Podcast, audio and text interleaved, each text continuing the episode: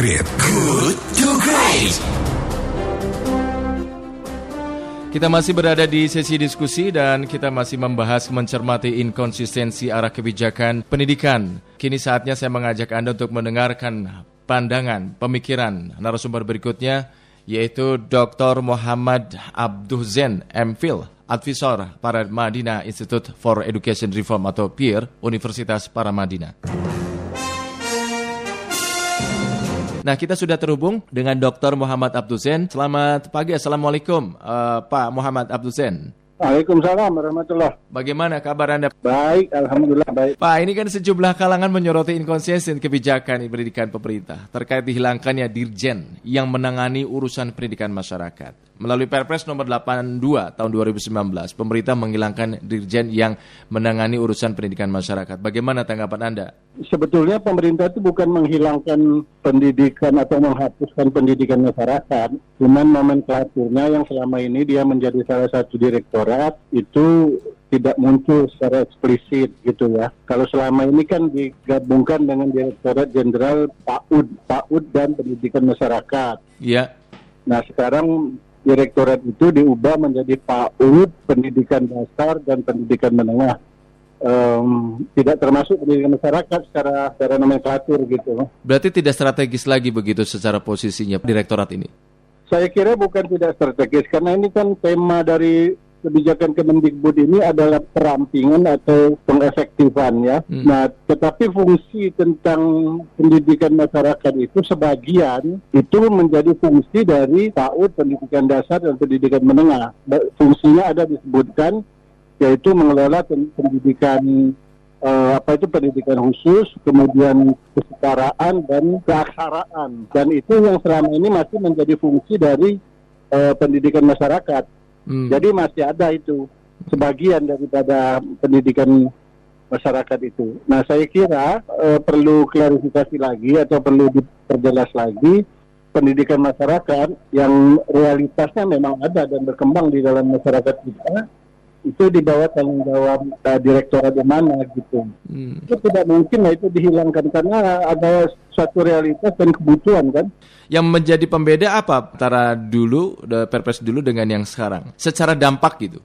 Secara dampak ya mungkin kalau secara birokrasi dulu kan nanti ada tidak ada personal penanggung jawab pada tingkat dirjen dan pada tingkat direktur itu tidak ada yang itu. Jadi mungkin uh, kalau yang selama ini kan ada. Yeah. Nah, mungkin nanti bisa itu pada level eselon 2 mungkin di secara birokrasinya. Hmm. Tetapi dalam implementasi kebijakan atau operasionalisasi pendidikan masyarakat, saya kira saya saya kira tidak akan terlalu banyak berubah karena memang itu satu yang sudah ada dan sudah eksis gitu ya. Nah, hanya nanti kantolannya itu yang perlu dipertegas oleh Kementerian Pendidikan dan Kebudayaan atau memang dia ingin melakukan semacam penguatan atau pemberdayaan pendidikan masyarakat.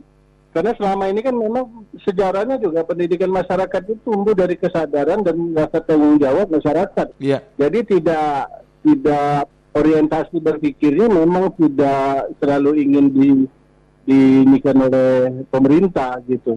Hmm. Jadi jadi apakah pemikiran saya belum membaca tentang gagasan apa yang di, di balik penghilangan nomenklatur pendidikan hmm. masyarakat itu. Kalau mau dilihat secara positif, mungkin saja mengembalikan jati dirinya sebagai suatu suatu peran serta kesadaran masyarakat untuk ambil bagian dalam pencerdasan kehidupan bangsa. Hmm. Gitu.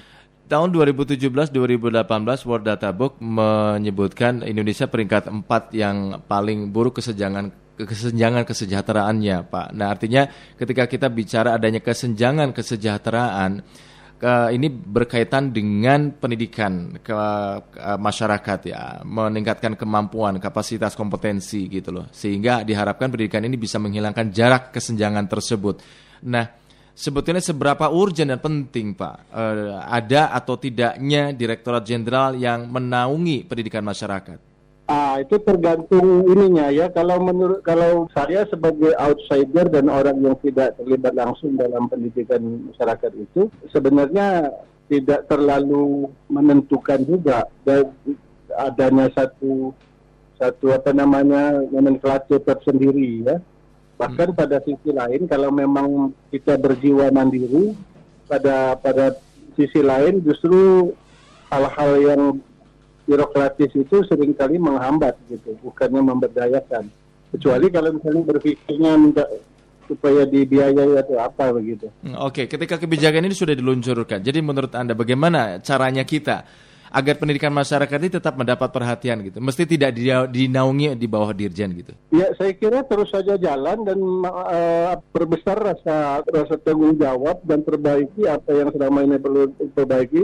Jangan berorientasi kepada eh, berorientasi ke atas begitu. Nah ini juga kan beberapa pakar eh, dan pendidikan menilai ya bahwa eh, problem pendidikan kita adalah eh, tidak adanya sinkronisasi pendidikan. Mengingat katakan sesungguhnya ada eh, pola asuh keluarga, sekolah dan masyarakat. Selama ini tidak terlihat adanya sinergi antara tiga pola asuh pendidikan tersebut. Nah menurut Anda apakah artinya ini persoalan pendidikan masyarakat ini relevan dengan problem yang kita diskusikan sekarang ini? Tidak terlalu tidak terlalu berpengaruh menurut saya. Asal Kenapa? yang penyelenggara dan penanggung jawab pendidikan masyarakat itu memang punya rasa tanggung jawab yang besar dan punya punya apa itu nama kesadaran serta punya kemandirian independensi yang tidak selalu ya sesuai dengan jati diri pendidikan masyarakat itu sebagian besar sebetulnya adalah diprakarsai oleh orang-orang yang mandiri. Iya. Nah kecuali memang ada pendidikan-pendidikan masyarakat yang sudah di atau non formal yang sudah dinaungi oleh pemerintah begitu ya. Misalnya PKBM yang di bawah ini. Tapi tadi di dalam di dalam fungsi Direktorat PAUD pendidikan dasar dan menengah itu itu sudah di- dimasukkan ada pendidikan kesetaraan, pendidikan keaksaraan. Nah, apakah keaksaraan itu bisa dianggap sebagai mencakup semua pe- jenis pendidikan dalam arti luas atau bagaimana? Hmm. Terus di situ juga ada pendidikan khusus. Apakah pendidikan khusus itu terbatas pada mereka yang difabel saja atau maksudnya pendidikan yang yang di luar pendidikan formal begitu? Hmm, baik, baik. Pak A. Muhammad Abdul Zain, terima kasih atas waktu Anda. Selamat pagi, Pak. Sukses untuk Anda. Selamat beraktivitas. Terima kasih, Assalamualaikum warahmatullahi wabarakatuh. Demikian, sahabat kira Dr. Muhammad Abdul Zain MPhil, Advisor Paramadina Institute for Education Reform atau PIR Universitas Paramadina.